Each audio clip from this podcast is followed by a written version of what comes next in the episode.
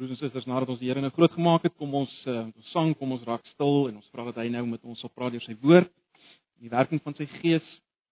Ehm uh, dat ons denke ook vanoggend weer vernuwe sal word sodat ons ehm uh, God kan grootmaak, kan oplig, kan verheerlik. Ehm um, dit waarvoor ons gemaak is. Kom ons bid net saam. Ja Here, ons kom nou na U toe met groot vrymoedigheid, vrymoedigheid wat nie gelees nie afkomstig is van dit wat ons is en ons prestasie hierdie week nie. Ons kom met vrymoedigheid op grond van wat U gedoen het.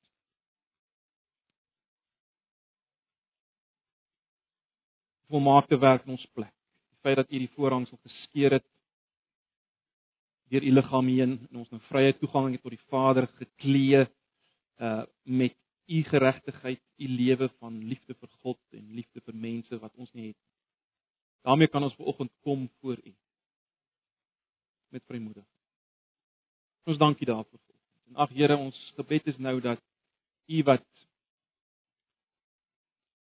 vir die hoof is van hierdie liggaam vir ons nou ook maar net weer vanoggend sal leer, sal bemoedig, sal aanmoedig om ons lewens in hierdie wêreld te leef vir U, U groot te maak in alles wat ons sê en dink en doen. Ag Here, dat ons al meer soos U sal word, Here Jesus, en al minder gelykvormig sal word in die wêreld rondom ons. En dan word U verheerlik.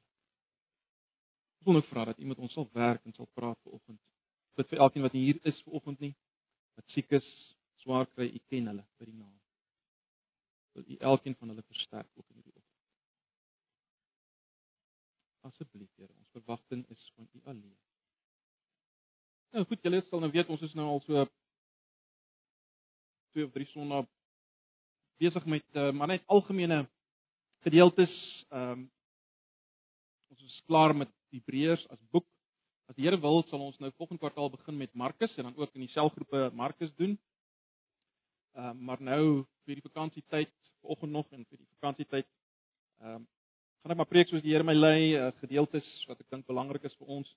Maar dan nou van volgende kwartaal af begin ons weer voluit met met 'n boek wat ons saam gaan doen, uh, die Evangelie van Markus. Wat baie belangrik is. Baie baie belangrik is ook in die lig van ons gemeente se se visie uh om om uh Jesus en sy koninkryk te bring vir die vir die wêreld rondom ons. Maar kom ons bly vanoggend na Filippense hoofstuk 4. Baie bekende gedeelte, maar ek dink tog ons het dit nodig om ons net self weer uh vanoggend te versterk en te bemoedig. Filippense hoofstuk 4.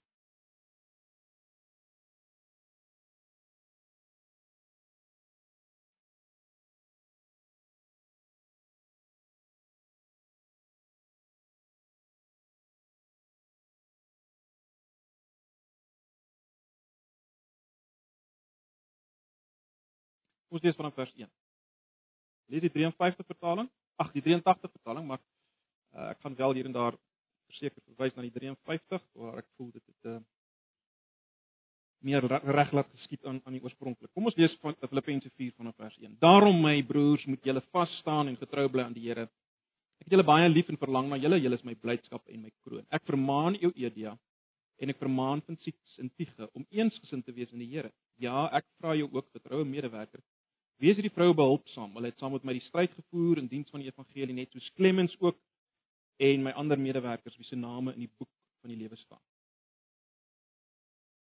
Wees altyd bly in die Here. Ek herhaal, wees bly. Wees inskikkelik teenoor alle mense, die Here is naby. Moet oor niks besorg wees nie, maar maak in alles julle begeertes deur gebed en smeking en met danksegging aan God bekend.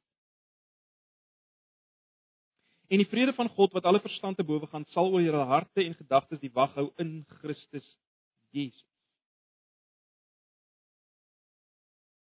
Verder broers, alles wat waar is, alles wat edel is, alles wat reg is, alles wat rein is, alles wat mooi is, alles wat prysenswaardig is, watter deeg of lofwaardige saak daar ook mag wees, daarop moet julle julle gedagtes rig. En wat julle van my geleer en ontvang het en gehoor eh, en gehoor en gesien het, dit moet julle doen en die God wat vrede gee sal by julle wees. Ek was baie bly in die Here dat julle net so lank ekskuus dat julle na so lank tyd weer gewys het dat julle nog aan my dink. Nie dat julle my ooit vergeet het nie, julle het net nie die kans gehad om uh, om iets te doen. Ek sê dit nie omdat ek gebrek ly want ek het geleer om my in alle omstandighede te behelp. Nou, ek moet julle eerlik sê, ek dis vir my snaakse woord hierdie te behelp. Uh die die letterlike vertaling of die ou vertaling vertaal dit met vergenoeg, geleer om vergenoeg te wees. So kom ons kom ons ek gaan bly by daai woord. Uh, ek ek ken nie lekker hierdie behelp. Vers 12. Ek weet wat armoede is en ek weet wat oorvloed is. Van alles het ek ondervinding om genoeg te hê om te eet sowel as om honger te ly, om oorvloed te hê sowel as om gebrek te ly. Ek is tot alles in staat deur hom wat my krag gee. Nietemin het julle goed gedoen deur my in my moeilike omstandighede by te staan.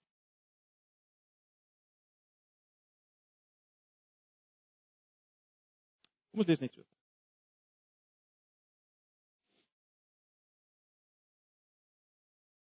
Hoe kan ek en jy elke situasie hanteer wat oor ons pad as Christene kom.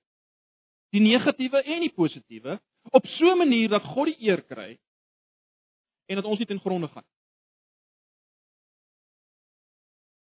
Kom kom kom ons stel dit eenvoudig en ons vat dit so saam. Hoe kan ek en jy cope met elke omstandigheid? Elke omstandigheid in ons lewe, elke situasie. So 'n manier dat God die eer kry en ons nie ten gronde gaan. En ek dink tog broers en susters, dis 'n relevante vraag, want die realiteit is ons koop nie altyd nie. Ek weet ons gee dikwels voor hier voor mekaar dat ons koop dat ons elke situasie hanteer, maar as ons 'n bietjie onder die oppervlak grawe, dan hanteer ons nie altyd elke situasie in ons lewe, elke omstandigheid so lekker nie. En ek is een van hulle. Ek is een van hulle. Nou as ons uitgaan op straat daar buite en jy jy sou hierdie vraag vra, hoe kan jy koop met elke situasie, hoe kan jy cope in hierdie lewe? Dan sal jy verskillende antwoorde kry. Baie ouens sal vir jou sê, "Wel, jy kan jy kan elke situasie hanteer, jy sal kan cope met elke situasie as jy net weet hoe om te ontspan en jouself te geniet." Jy moet net weet hoe om te ontspan en jouself te geniet. En uh met hierdie filosofie kry jy dan dat baie ouens uh tot tot uiterstes gaan van uh tot uiterstes van ontspanning gaan uh, doen yoga oefeninge en noem maar op uh want jy moet net ontspan. Sommige ouens draai na iets soos soos drankies om hulle te laat ontspan en en, en om te cope. Uh ander ouens uh gemaak 'n paar trekke aan die stang van 'n dobbelmasjien. Ander hou partytjies. Dan se ouens wat hulle uh, uh, wat hulle wend tot immorele of skelm verhoudings. En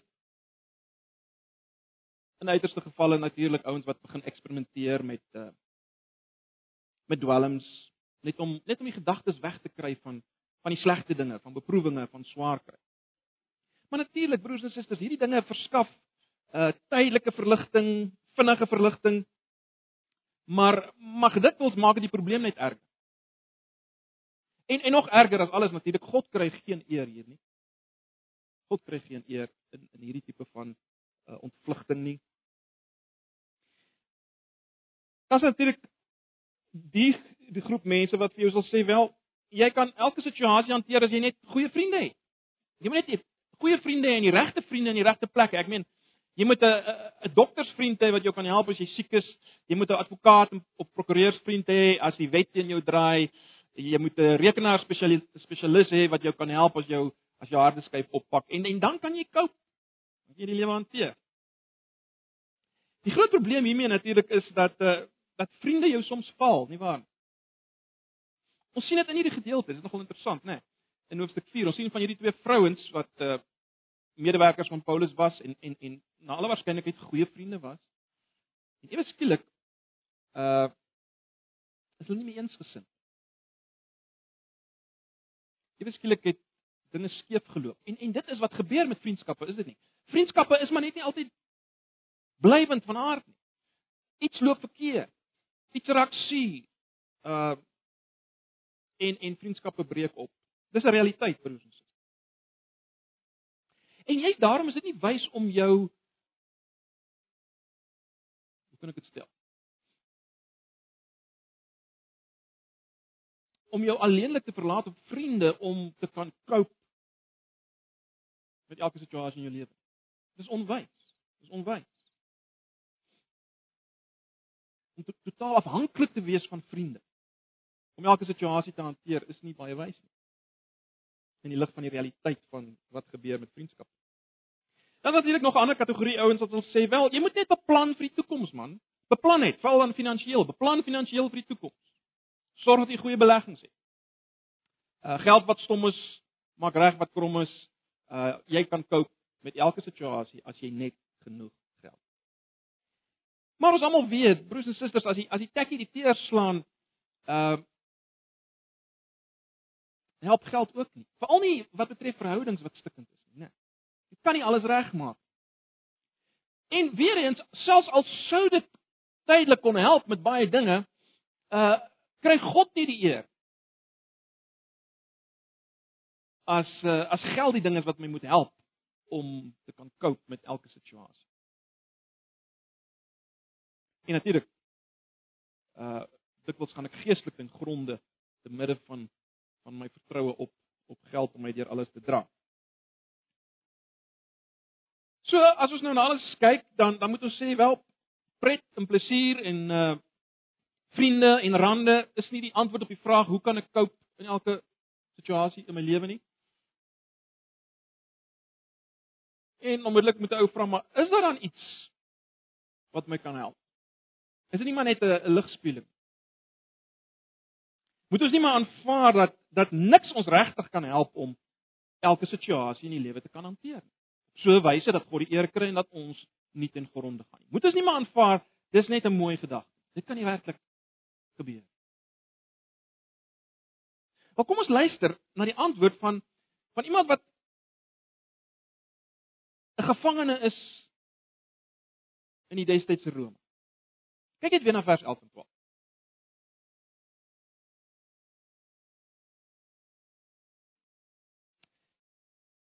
En ek gaan dit hierdie keer in die 53 vertaling lees.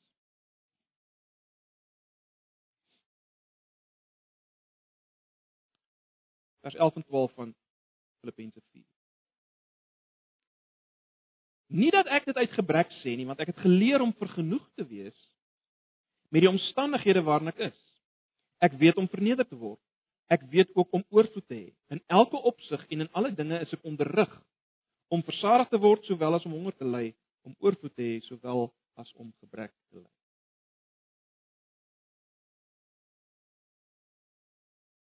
So dit lyk my hier's iemand. Hier's iemand wat geleer het om elke situasie in die lewe te hanteer. Vir hom het dit nie saak gemaak of hy baie het of min nie. Uh, is geweldig, is dit nie? Sy vreugde, sy vrede, sy vergenoegdheid was altyd dieselfde. Of hy nou veilig was en of hy uh op 'n skip was wat uh, besig was om te vergaan en of sy voete in blokke was in 'n tronk of hy alleen was en of hy tussen vriende was.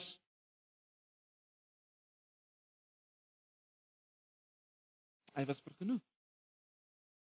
Dit is fascinerend. Terloops, jy kan dit maar self doen. Gaan lewe gaan lees bietjie Paulus. Uh Handelinge 9 tot 28 min of meer. Gaan lees bietjie hoe tree Paulus op? In verskillende situasies. Dit is aangrypend om dit te sien. Kyk hoe kalm is Paulus. Hoe vol vrede is hy.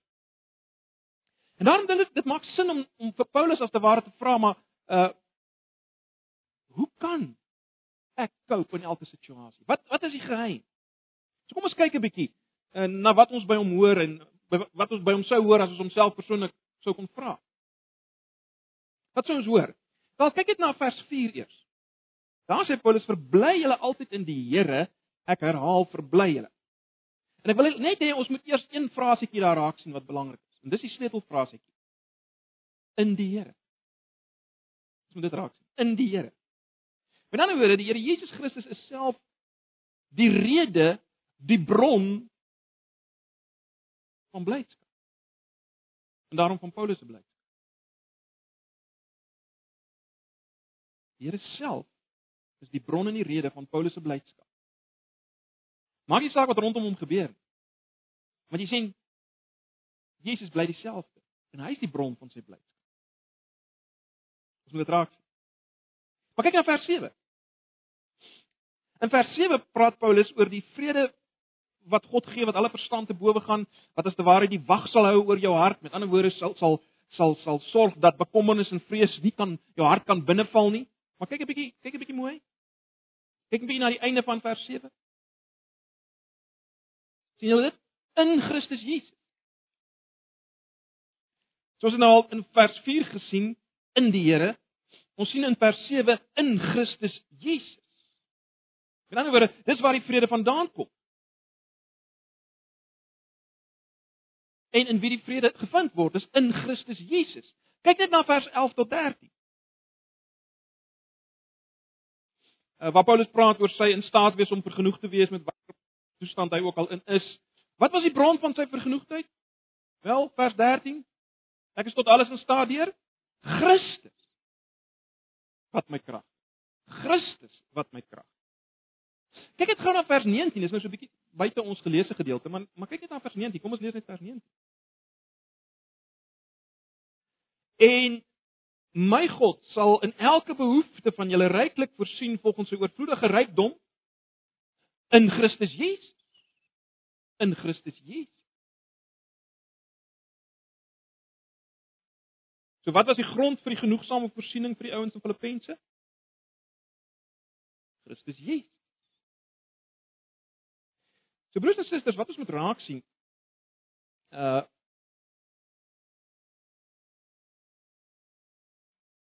is dit. As jy vir Paulus vra, hoe kan 'n mens cope met elke omstandigheid in die lewe? Sou hy nie vir jou 'n resep gegee het nie? Sou hy nie vir jou 'n formule gegee het nie? Sou hy nie vir jou 'n boek voorgeskryf het nie? Hy sou gesê het, "Wel, dis deur Jesus Christus wat jy kan cope met elke situasie. Jesus is die uiteindelike bron van Christelike vreugde, van vergenoegdheid en genoegsaamheid.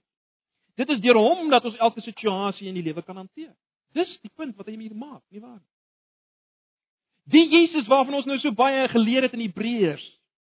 Dis hoekom dit so belangrik is om om om 'n boek soos Hebreërs te bestudeer, dat jy kan sien wie is hierdie Jesus? Maar dit is belangrik om dit hier raak te sien. Dis deur Jesus Christus dat ek kan cope met elke situasie in die lewe. Maar nou wil ek hê ons moet 'n bietjie kyk na 'n paar situasies in die lewe.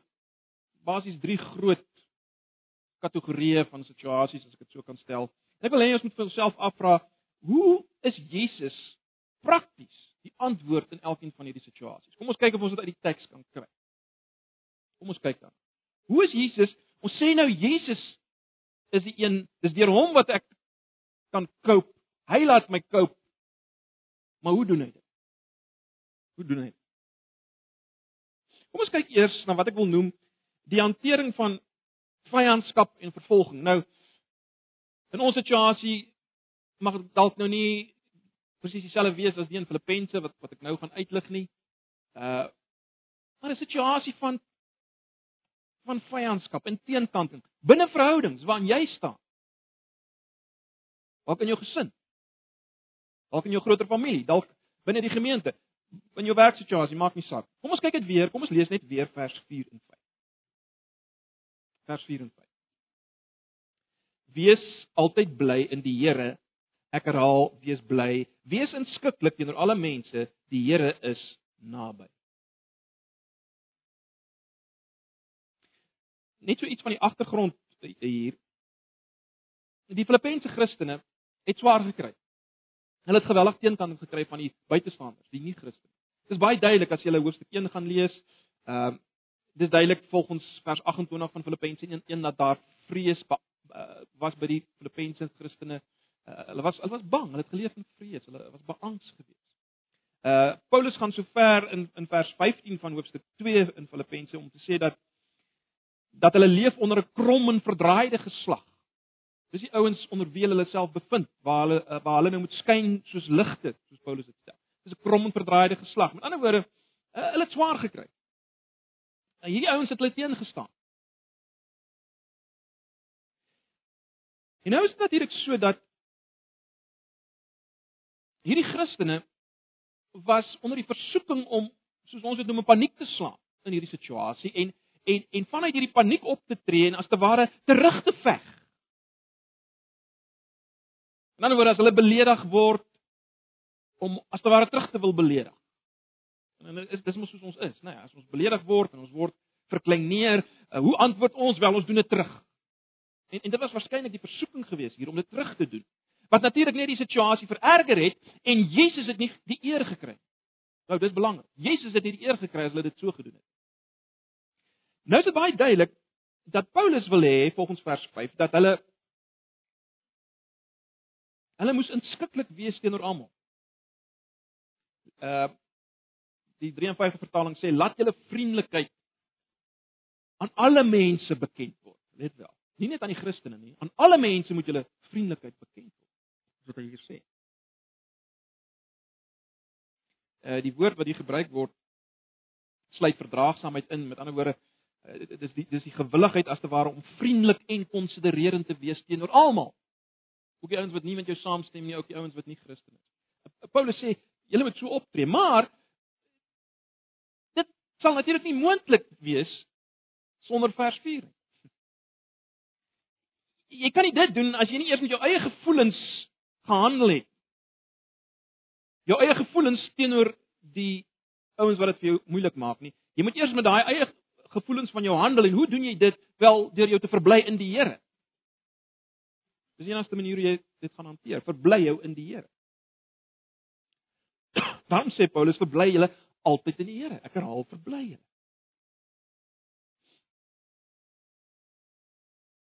Jy sien wat net dan kan jy begin anders optree teenoor die ouens rondom jou. Inskikkelik, vriendelik. As iets hier binne verander het, jy het 'n vreugde gekry, blydskap in die Here. Hoe kan jy dit kry?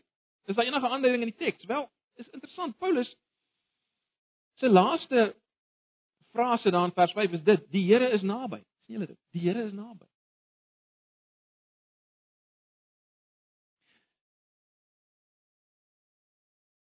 Jy sien jy kan jouself net verbly in iemand wat naby aan jou is. En ek dink dis die gedagte. Kyk, mens mens sou dit op twee maniere kon interpreteer. Hierdie die Here is naby. Jy jy jy, sou kon sê dit beteken die die Here se wederkoms is naby. En dan oor hierdie situasie van julle uh, gaan nie vir altyd aangaan nie. Hierdie swaar kry, hierdie hierdie verdrukking gaan nie altyd aangaan nie. Uh, die Here is naby. Sy koms is naby. Maar dit kan ook beteken bloot die Here is naby julle.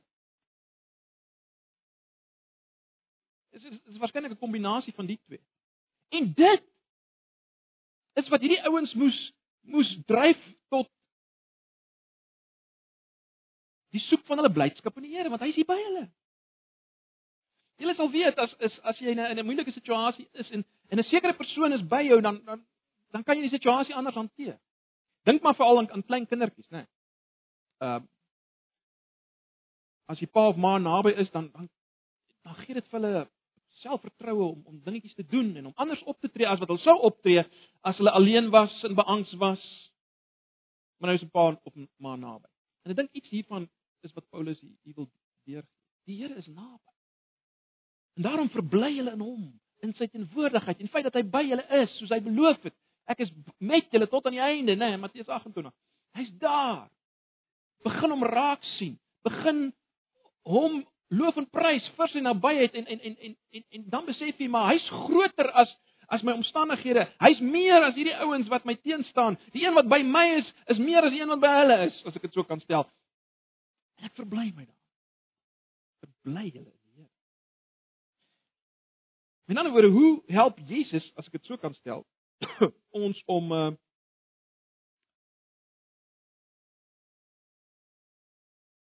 om in teenkanting in moeilike situasies, uh, situasies van verdrukking, teenkanting, vervolging. Hoe hoe help Jesus ons om te cope?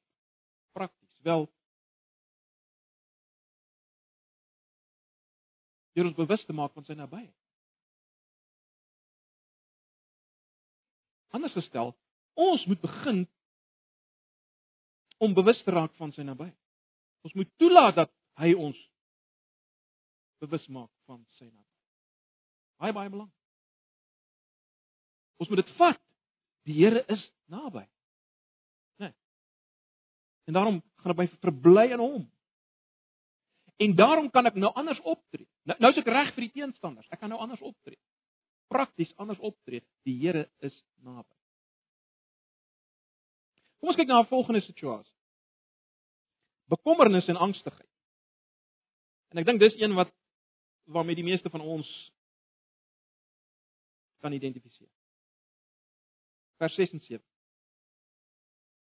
Hoe help Jesus my om bekommernis en angstigheid te hanteer? Moet oor niks besorg wees nie, maar maak dit alles julle begeertes deur gebed en smeking met danksegging aan God bekend. En die vrede van God wat alle verstand te bowe gaan, sal julle harte en julle gedagtes of sal oor julle harte en gedagtes die wag hou in Christus Jesus. Broers en susters, ek hoef nie vir julle vanoggend te sê wat die gevolge is van van van werklike bekommernis nie, né? Nee, ehm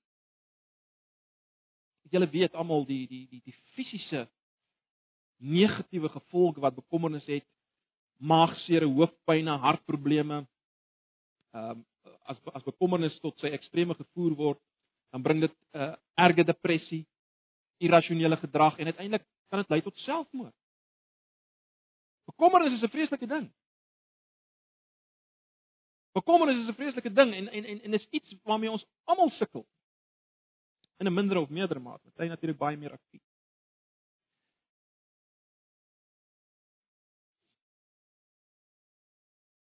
Hoe kan ek cope in omstandighede waar ek my wil bekommer? Met al hierdie negatiewe gevolge wat daar uit voortvloei. Ou Paulus kom as te ware en hy sê jy moet jy moet hierdie gewoonte van jou om jouself te bekommer, om te broei op gedagtes. En jy weet dis dikwels wat ons doen, nê? Nee, ek self is geneig om te broei op op op op op alles wat kan verkeerd gaan en dan bekommer jy jou eintlik oor goed wat jy nie regtig eers nodig het om jou te oor bekommer nie, maar jy jy broei daarop en jy raak al meer bekommerd en al meer negatief, letterlik amper siek. En Paulus kom en hy sê ons moet dit teenstaan hierdie gewoonte om jouself te bekommer oor dinge, jy moet dit aktief teenstaan deur wat? Deur gebed en smeking en danksegging. Met ander woorde, doelbewus gaan na Jesus. Deel dit met hom. Sê vir hom hoe jy voel. Want ons sien dis wat ons dikwels nie doen nie, né? Ons ons ons doen dit nie, broers en susters. Ons weet miskien ons moet dit doen, maar ons doen dit nie, is dit nie? Ons doen dit nie. As ons werklik bekommerd is, ons laai dit alles op onsself, onsself, ons begin daaroor dink, ons broei daaroor, ons rol rond in die nagte, maar maar ons ons ons ons neem nie die stap om te sê Jesus, hier is dit. Ek is bekommerd oor dit en dat. Nou die, wat Paulus hier sê is maak dit bekend gebed en smeking. Nou smeking is maar net meer is, is moeilik om die die die onderskeid is in in die Grieks tussen die woorde is nie baie duidelik nie, maar smeking is waarskynlik maar net 'n meer intense vorm van gebed. Smeek die Here. Sê dit vir hom, smeek hom. Maar baie belangrik, Moenie die danksegging vergeet. Dis 'n aspek wat ons dikwels vergeet, die krag daarvan. Uh, vanuit die Ou Testament sien ons hoe belangrik dit was om God te loof en te dank. En ons vergeet dit, ek self. Sê vir hom dankie vir wie hy is en wat hy vir jou gee. Doen dit. Dis die punt. Doen dit en wat sê Paulus? Wel iets sal gebeur. Daar gaan 'n wonderlike belewenis van vrede wees. Daar gaan 'n belewenis van vrede wees. En broers en susters, dis 'n belofte. is dit nie? Dis 'n belofte. As 'n vrede wees wat as te ware jou gedagtes sal bewaar van al hierdie bekommernis. Dis dis wat hier staan, is dit nie? En natuurlik is hierdie belofte in lyn met die belofte wat Jesus al reeds in Johannes 14 vers 27 gegee het, toe hy sê: "Vrede laat ek vir julle na, my vrede gee ek aan julle, nie soos die wêreld gee, gee ek aan julle." Laat julle hart nie ontsteld wees en bang wees nie. Jesus het dit al daar beloof. En en is nou interessant dat uh hy sê dit nadat hy uh in vers 13 van Johannes 14 gesê het dat hy dat die trooster, die Heilige Gees in sy plek sal kom. En daarom dink ek is ons nie sal ons nie verkeerd wees as ons sê dat hierdie vrede waarvan Jesus hier praat, wat hy hier beloof, is eintlik niks anders as die trooster in aksie nie. Die trooster in aksie, die Heilige Gees in aksie. Hy gee daai vrede. Hy sal bewaar. En hy's natuurlik niemand anders as Jesus self by ons nie. Dis vir die Heilige Gees. Maar hoe word dit 'n werklikheid? Wanneer word dit 'n werklikheid? Gebed, smeking en danksegging. As jy kom, jy kom gee dit. Kom sê. En jy kom dank op, jy doen dit. Wel, dan is hierdie belofte. Maar Paulus gaan nog verder. Hy gee nog meer praktiese hulp vir vir hierdie bekommernis. Ons het mekaar gesê ons probleem lê dikwels in ons gedagtes, né? Nee. En dit wat ons dink. Ons broei op negatiewe en en dikwels onrealisties negatiewe gedagtes. Ons ons broei daarop. En nou weet ons ook in die in die dokters in ons midde sal ons nou meer daarmee kan help dat as mens negatief dink, is net 'n mediese feit. Skei of of, of veroorsaak jou brein dat wat laat jou liggaam stowwe afskei wat jou laat sleg voel. Jy voel sleg. Jy word fisies siek. Jy voel sleg. As gevolg van verkeerde denke.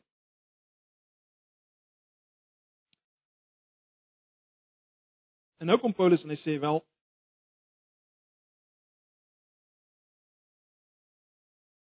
Hoe hanteer jy hierdie denke?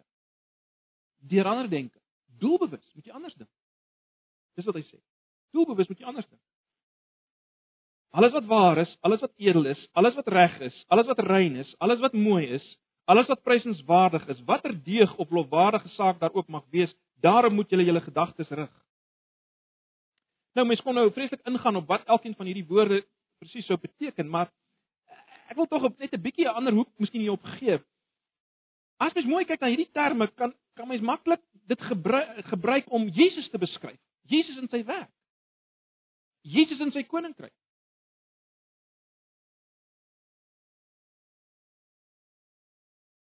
wie hy is en wat hy gesê het en wat hy gedoen het. As jy dit sou bedink, dan bedink jy alles wat waar is. Alles wat reg is, alles wat edel is.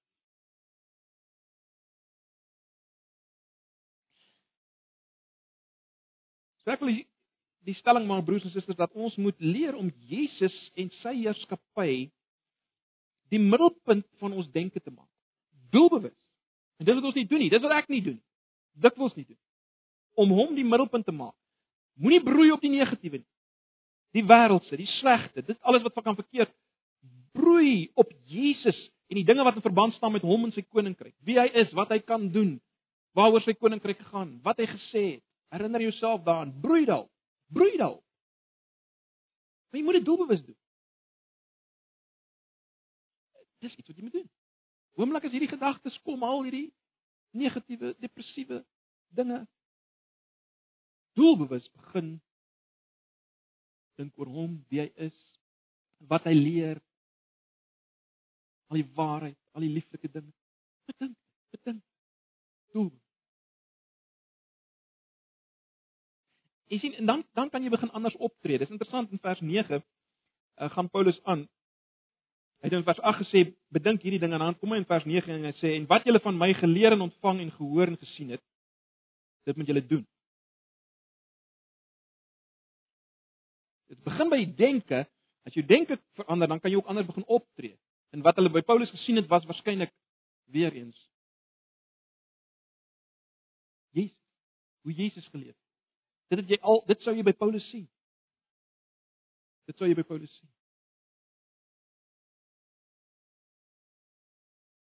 Maar dis hoe Jesus ons help om te cope met bekommernis. Dis hoe hy ons help. Dis die manier hoe hy ons help.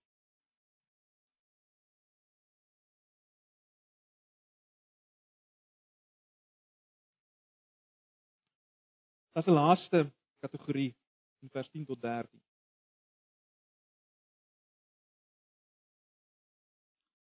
Armoede of rykdom. Maar maar dit dit geld ook vir baie meer as dit.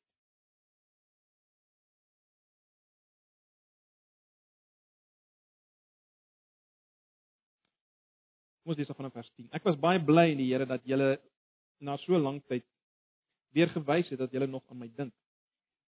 Nie dat julle my ooit vergeet het nie, julle het net nie die kans gehad om iets te doen nie.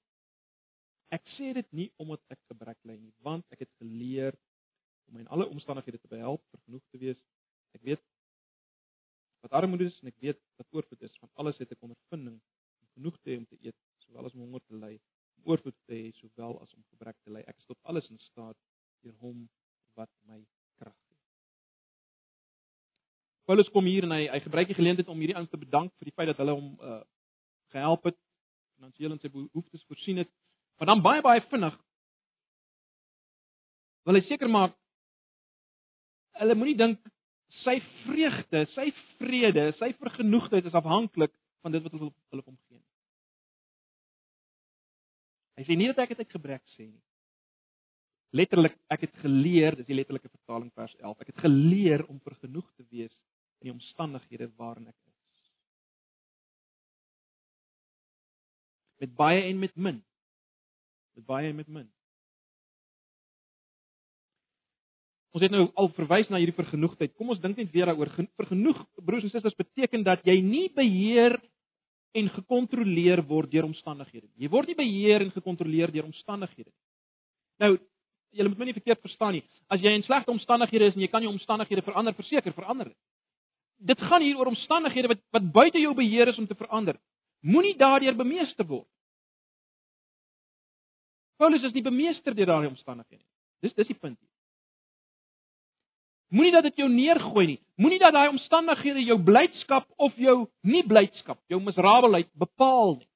Want dis wat dikwels gebeur, is dit nie? Vergenoeg beteken dat wat ook al my omstandighede is. Maak nie saak wat dit ook al is.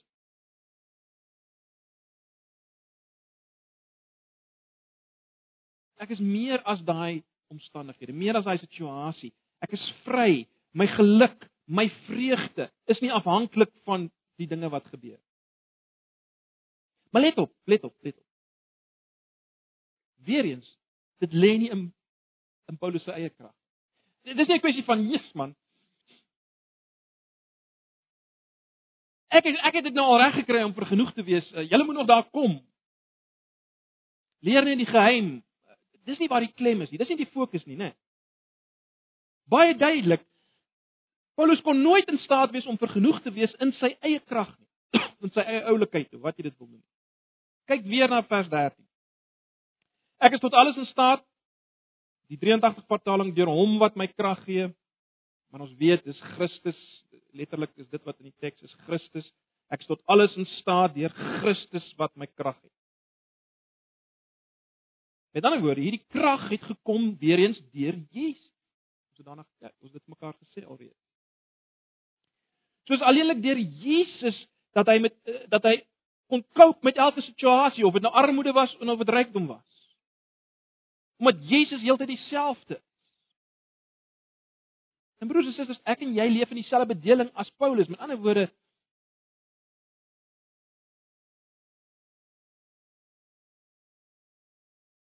Dis moontlik deur Jesus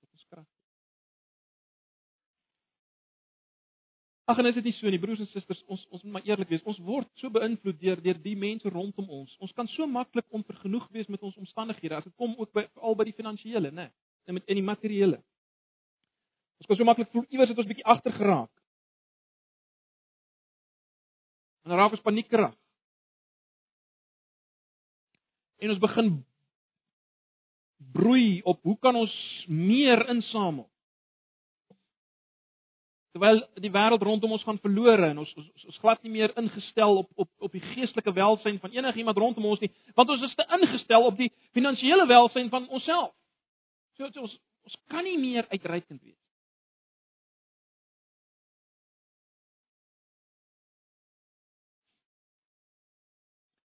En die antwoord is om vergenoeg te raak met dit wat jy is.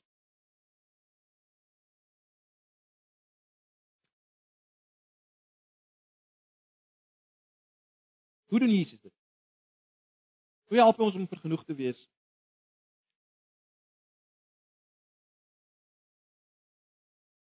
Ook as ons gebrek het. Dis interessant as ons nou kyk weer eens na die letterlike vertaling, né? Nee. Na die woorde wat Paulus gebruik, baie baie interessant. Hy sê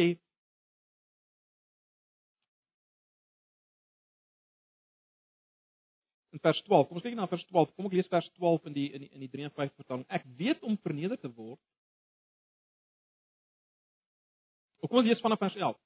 Uh hy sê nie dat ek dit uit gebrek sê nie, want ek het geleer, dis die eerste woord wat interessant is. Ek het geleer om vergenoeg te wees by die omstandighede waarin ek is en dan vers 12 ek weet om verneder te word ek weet ook om oorvloed te hê in elke opsig en in alle dinge is ek onderrig baie interessant so hy sê hy hy het dit geleer en hy's onderrig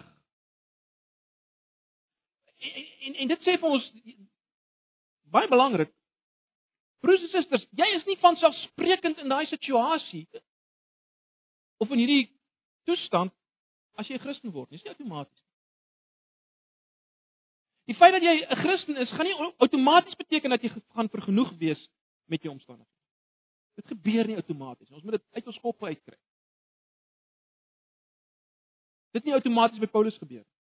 Hy is nie outomaties vergenoeg gewees. Hy sê hy het geleer, hy's daarin onderrig. Met ander woorde, tyd gevat.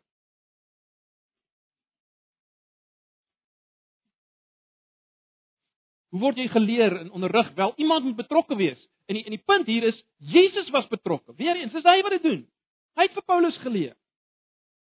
Hoe het hy vir Paulus geleer? Wel deur ervaring in die eerste plek. Hy het hom deur ervaring geleer. Ons ons ons sien 'n duidelike voorbeeld daarvan in in in 2 Korintiërs 12, né? Nou, julle ken die gedeelte van die doring in die vlees.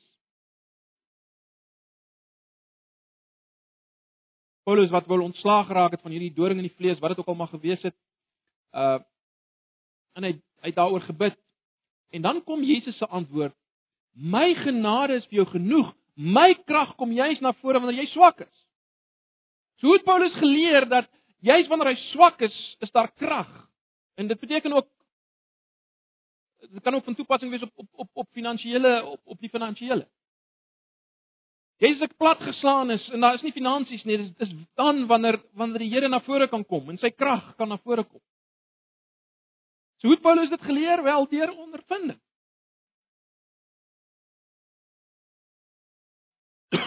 so dis dis hoe die Here leer. Dis een manier hoe die Here ons leer. Natuurlik ook leer hy ons deur sy woord. Uh Jesus sê dat as die Heilige Gees kom, sal hy julle julle herinner aan alles wat ek gesê het. Soos kan aanneem dat die Here ook vir Paulus herinner het deur sy gees aan aan dit wat hy gesê het. Moenie bekommerd wees, Matteus 6. Moenie bekommerd wees oor wat jy sal eet of drink of aantrek nie. Kyk na die voëls, kyk na die blomme. Julle is baie meer as hulle. Moenie bekommerd wees. Soek eers die koninkryk. Waarskynlik is dit wat gebeur het. Dis hoe hy dit geleer het. Deur ondervinding. Deur die Gees wat hom herinner het aan aan Jesus se woorde. Maar dis hoe hy dit geleer het. Dit tyd gevat. Daarom het hy vir homself gesê maar Sjoe. Maak nie saak. Maak nie saak of ek arm is of ryk is, of dit goed gaan of dit sleg. Want as dit sleg gaan, dan kan ek jy sy krag beleef. dan kan ek jy sy krag beleef. En dis wat ek wil, dis wat ek begeer, is dit nie? Uh, ag broers en susters, om dit eenvoudig te stel, wat wat het ten diepste, wat het Paulus geleer? Hy het geleer om soos Jesus te wees. Jesus wat nie afhanklik was van enige iets en veral nie finansies vir sy geluk en vir sy vrede nie. En daarom as mens nou terugblaai na Filippense 3, daarom is dit te verstaan dat Paulus se begeerte is om Jesus te ken, né? Kyk 'n bietjie Filippense 3 weer vanaf vers 10.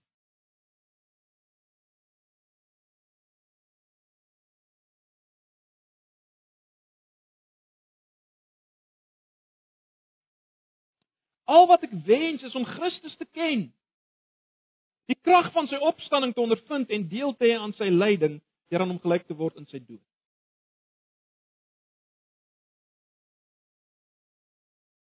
Baie interessant net net so terloops die die volgorde waarin Paulus hierdie goed sê. Hy sê al wat ek wens is om Christus te ken, deel te hê aan sy lyding en dan die krag van sy opstanding te beleef nie. Hy sê dit andersom. Die krag van sy opstanding beleef en deel hê aan sy lyding. Hoekom? Want die krag wat Jesus gee, die opstandingskrag is krag vir lyding, vir swaar kry. Vir as dit nie goed gaan nie, ook finansiëel. Dis die krag uh wat God gee. Uh ek wil nou nie daarop uitbrei nie, maar dit is tog vir my so is 'n baie belangrike ding hierdie. Uh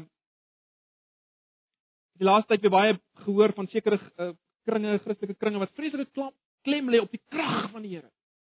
Net krag wees. Maar wat is die krag waarvan die Nuwe Testament praat? Kyk 'n bietjie net na een ander vers, Kolossense 1.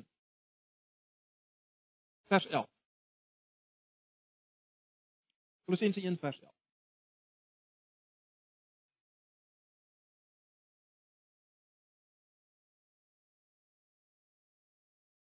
Mag God wat oor die mag en die heerlikheid beskik, julle versterk en aan julle al die krag gee. Maar luister nou, watter krag? Om in alle omstandighede met geduld te volhard. Broers en susters, dis die krag van die evangelie. Dis die krag van die evangelie. Die krag van die evangelie is nie om te kan rondspring en wonders doen en dis nie die krag nie.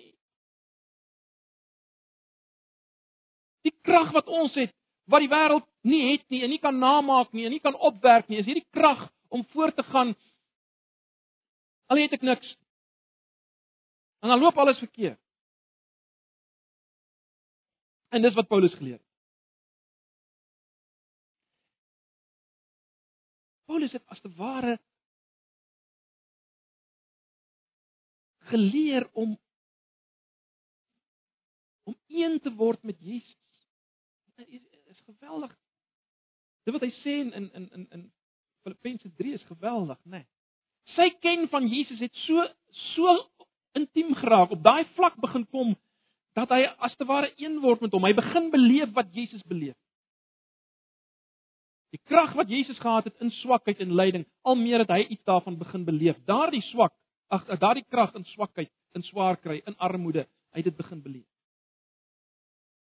En daarom kon hy koop. Want dit maak nie saak wat se omstandighede daar is nie. Hy het geleer hy moet sy oë moet net oop gaan om te sien dat dit 'n geleentheid is waar waar Jesus se krag weer na vore kan kom. Elke omstandigheid? Kom maar net.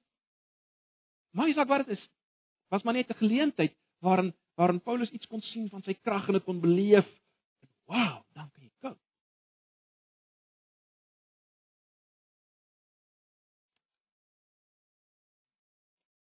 Ag broers en susters ons kan nog baie hieroor praat kom ek sluit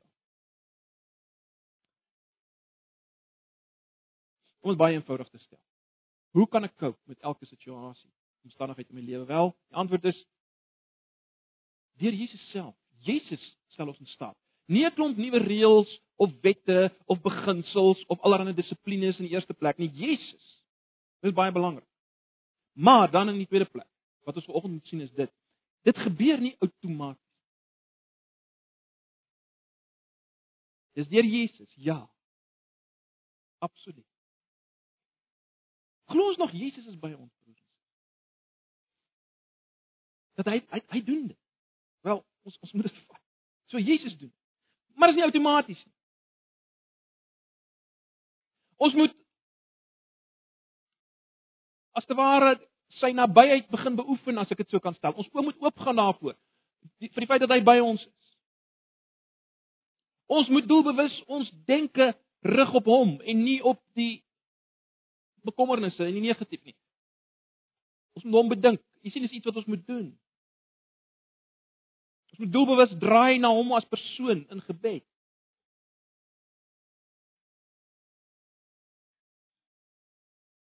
Ons moet toelaat dat hy ons leer, ons moet raak sien wat hy doen in die praktyk. Né? Nee, in ons in situasies waarin ons is, ons moet begin ons oop moet begin oopgaan hoe hy dit vir ons wys. Dat ons vergenoeg kan wees. Al het ons niks. Ons oop moet oopgaan hoe hy dit alreeds vir ons gewys het in in in dit wat in ons lewens gebeur het. Jy sien, ons moet ons moet as te ware oë ontwikkel om dit te kan sien. En dan in die laaste plek maar tog belangrik. Dit alles begin by 'n erkenning dat ek nie kan cope sonder hom. Dis waar ons moet begin volg. Kom sê dit vir my, Here, ek kan nie, ek kan nie. Ek kan nie die lewe hanteer sonder dat U my krag. Jy sien, weer eens dis dis 'n ding wat jy doelbewus moet doen. So wat ek wil hê ons moet nou doen is kom ons raak vir 'n paar oomblikke stil, elkeen van ons persoonlik en ons kom na die Here toe en ons kom erken daar waar ons nog steeds probeer om te cope op allerlei ander maniere en dit dit werk nie sonder hom. Al dink ons dit werk, as ons dink dit werk, dit gee ten minste nie aan God die eer. Dit gee nie aan God. Kom ons erken dit, kom ons bring dit voor hom en uh, dan begin ons leef broers en susters en kom ons bid vir mekaar. Julle vir my en ek vir julle dat ons kan begin leef in die lig hiervan. Want ons struikel doen dit. En ons mis dit wat Jesus wil doen vir ons. So kom ons uh, raak vir 'n paar oomblikke stil en dan sluit ek ons af. Agter Jesus baie dankie dat ons in die oomblikke na U kan kom en ek self is in die oomblikke so bewus af van die feit dat my nie gelykvormigheid aan U juis die sigbaarste waarskynlik is in my onvergenoegdheid, my bekommernis. Ek wil vra dit vir my vra en vir elkeen van my broers en susters, Here, dat U juis in hierdie area van ons lewens ons sal verander na die beeld van Jesus. Dankie dat ons vanoggend kan bewus raak van die feit dat U is besig daarmee. Dis waarna U op pad is om ons te verander na die beeld van Jesus. En U doen dit deur smaak kry en deur bekommernis heen, deur lyding heen.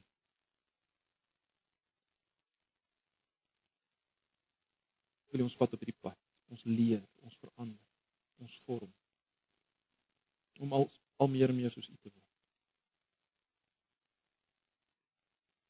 Daarom kan ons maar net weer eens vanoggend sien dat Romeine 8 vers 28 waar is.